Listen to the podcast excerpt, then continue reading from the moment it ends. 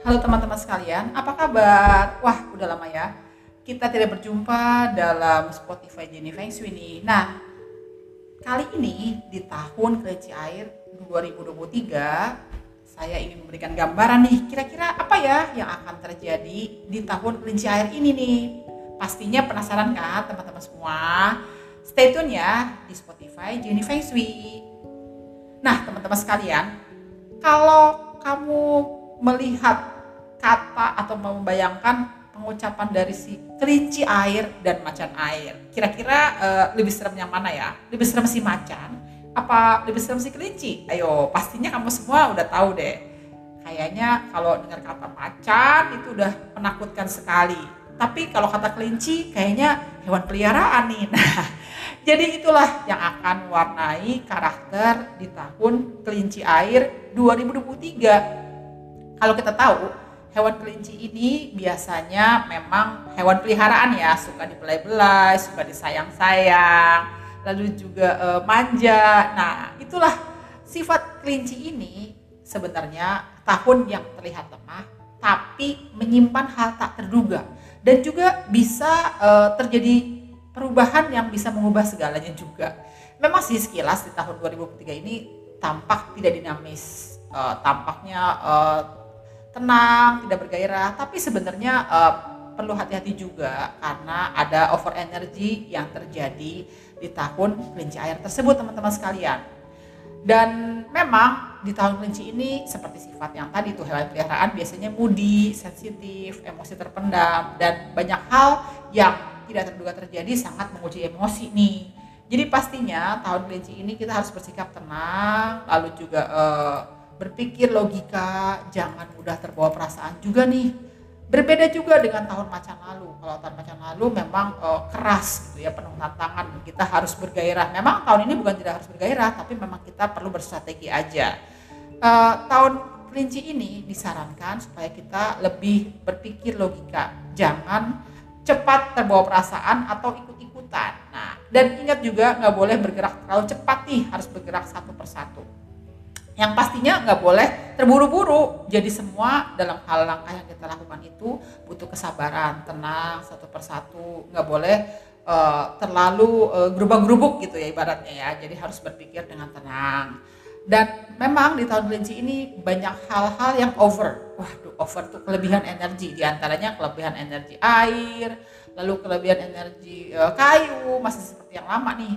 Over energi air ini uh, bisa terjadi juga mungkin keseimbangan air di bumi jadi akhirnya uh, terjadi masalah air seperti banjir lalu misalnya curah hujan yang tiba-tiba besar atau yang kemarin ada hujan es atau salju dan lain sebagainya. Dan kalau masalah over energy kayu ini kita harus berhati-hati karena cuaca uncertain weather. Jadi cuaca itu uh, kayak ibaratnya berubah-ubah dan tidak bisa terprediksi dengan tepat gitu ya. Nah itulah tahun kelinci. Tapi juga ada over energy tanah nih tanah itu terjadi over energy bahwa uh, karena kekuatan di bumi itu sedang mm, tidak seimbang akhirnya meledak gitu ya. Ya semoga nggak terjadi ya seperti yang terjadi tahun lalu gempa bumi dan lain sebagainya. Dan yang pasti di tahun ini kita harus bisa mengendalikan emosi. Jangan cepat terbawa perasaan jangan terlalu sensitif dan juga jangan cepat percaya omongan orang nih. Kuncinya setiap langkah harus dibawa tenang. Jangan cepat emosi dan butuh strategi dengan waktu yang tepat dan di tahun ini tidak boleh terlalu cepat ataupun juga terlalu lambat. Harus sesuai dengan situasi yang ada. Tahun sensitif ini sedikit terbawa perasaan juga. Jadi ada juga orang-orang tertentu mungkin di lingkungan pekerjaan, di lingkungan pertemanan, circle pertemanan atau lingkungan persaudaraan. Aduh, pada repot kalau saudaranya. Ada yang dendam lalu mengungkapkannya, waduh jangan ya, jangan sampai ya. Tapi yang pasti memang tahun ini banyak yang baper. Pokoknya semua harus tenang nih, nggak boleh sampai terbawa perasaan dan oversensitif serta overthinking, anxiety ya, akibat jadi anxiety ya. Lalu juga harus bersikap fair, jujur dan adil. Kalau bisa jangan melibatkan emosi dalam semua aspek kehidupan. Uh, lebih tepat dikatakan sebagai tahun introspeksi, jangan mudah terpancing dan semua harus direncanakan perlahan tapi pasti. Nah, lalu uh, kira-kira di tahun kelinci air ini uh, kita ini akan bagus atau enggak ya akan cuan atau amsyong nih nah emang gak gampang ditebak juga sih kita akan cuan atau amsyong tapi memang yang pasti semua rencana di tahun kelinci air ini harus bergerak jangka panjang. Jadi nggak boleh rencana yang uh, sesaat, sesaat langsung cuan gitu ya. Itu juga kurang bagus ya. Jadi intinya semua di tahun kelinci air ini bergeraknya adalah sifatnya planning. Planning untuk rencana jangka panjang gitu menurut saya. Dan buat teman-teman sekalian, kira-kira eh, gimana ya keseimbangannya di tahun ini untuk melakukan langkah besar? Misalnya mau eh, investasi bisnis atau mau eh, menikah bangun rumah. Aduh jangan dulu deh. Nanti kalau yang itu dilakukan bisa-bisa terjadi ketidakseimbangan nih. Karena alam juga sedang tidak seimbang jadi kalau alam tidak seimbang hebatnya kita juga kepengaruh nih jadi bawaannya galau. Banyak banget yang galau nih. Tiba-tiba punya rencana ini bisa berubah atau uh, udah planning begini bisa berubah. Makanya sebaiknya kalau melakukan sesuatu itu sesuai dengan kemampuan ya. Catat. Jangan terlalu ambisi besar tapi akhirnya uh, nggak sesuai kemampuan gitu ya. Juga hati-hati masalah kesehatan nih karena bisa kepengaruh terhadap ketidakseimbangan energi alam nih. Yang pasti dalam kehidupan ini sedikit berpeluang uh, tidak stabil juga. Jadi meskipun terlihat lemah tapi bisa membawa ketidakstabilan nih dalam karir, bisnis, ekonomi, keuangan, kesehatan, percintaan, bahkan komunikasi nih dengan orang terdekat atau dengan uh, rekan bisnis, rekan pekerjaan. Hati-hati ya, banyak orang yang baper, banyak orang yang ngeselin. Jangan sampai kepengaruh terhadap karir karena orang-orang baper itu bisa buat emosi. Nah, nanti bisa uh, terpancing akhirnya bisa menyesal nih, takutnya juga terbawa karirnya jadi berpengaruh nih. Disarankan semua aktivitas besar harus berstrategi dan juga hati-hati nih masalah keuangan. Financial planning ini sangat penting untuk bisa mengatur keuangan. Jangan sampai berhutang juga. Dan gimana ya dengan mereka yang mau menikah tahun ini? Yang mau menikah itu sebaiknya uh, dipikirkan lebih panjang ya. Kayak kemarin ada klien saya, uh, dia bilang anaknya mau menikah di bulan Maret. Tapi pacarannya baru setahun. Padahal setahun itu ya kurang lebih pada saat pandemi juga berlangsung. Nah dan memang Maret juga bukan bulan yang bagus ya. Oh ya nanti saya akan sebutkan ya kapan bulan yang bagus. Jadi kalau mau menikah sebaiknya dipertimbangkan masak-masak deh. Kalau memang udah berencana dari lama boleh. Tapi kalau misalnya baru-baru jangan juga ya. Takutnya nanti malah masalah e, perkawinan lagi. Jadi entah pada saat persiapan itu uh, ada yang emosi, konflik seperti cerita di Kompas juga tuh. Ada yang uh, salah ngomong dari mertuanya akhirnya jadi uh, putus tidak jadi perkawinannya dibatalkan H-2 bayangin teman-teman sekalian. Dan juga pastinya harus berhati-hati dengan kesehatan nih, terutama organ-organ paru-paru, kulit, lever, jantung, dan semua organ ya kayaknya ya. Ya pokoknya intinya lima unsur sedang tidak seimbang nih di tahun kelinci air ini banyak juga peluang penyakit yang tiba-tiba. Jadi pokoknya kuncinya harus bisa menjaga pola hidup sehat, istirahat cukup, jangan terbawa emosi juga gitu ya. Yang pasti uh, buat teman-teman sekalian yang berbisnis di tahun kelinci air ini harus berstrategi jangka panjang. Ingat ya, catat jangka panjang. Memang sih peluang bisnis juga cukup uh, baik, uh, tapi memang bergeraknya lambat.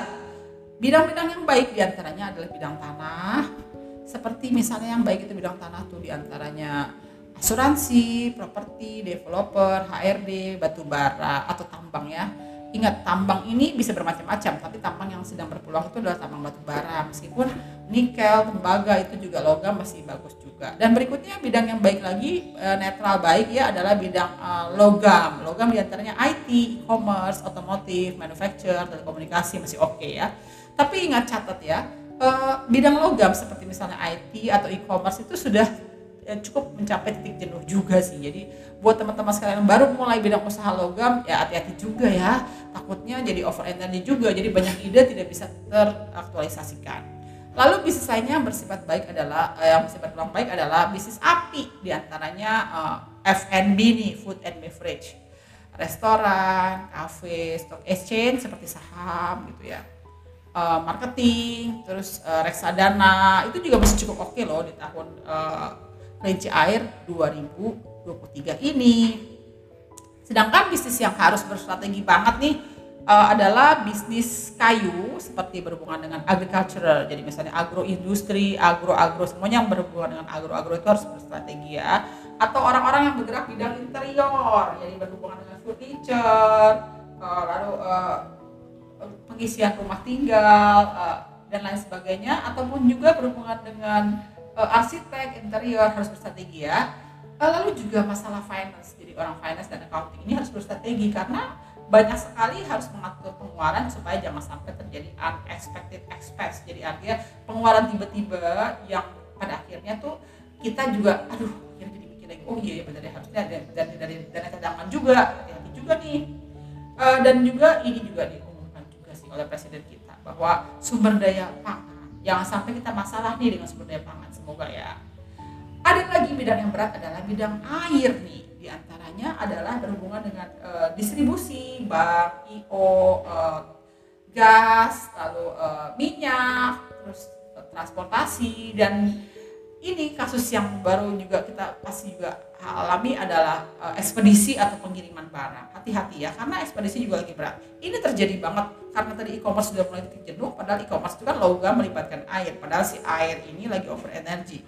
Jadi tentunya jangan sampai kaget nih kalau misalnya lagi pesan online tiba-tiba masalah di ekspedisi atau pengiriman.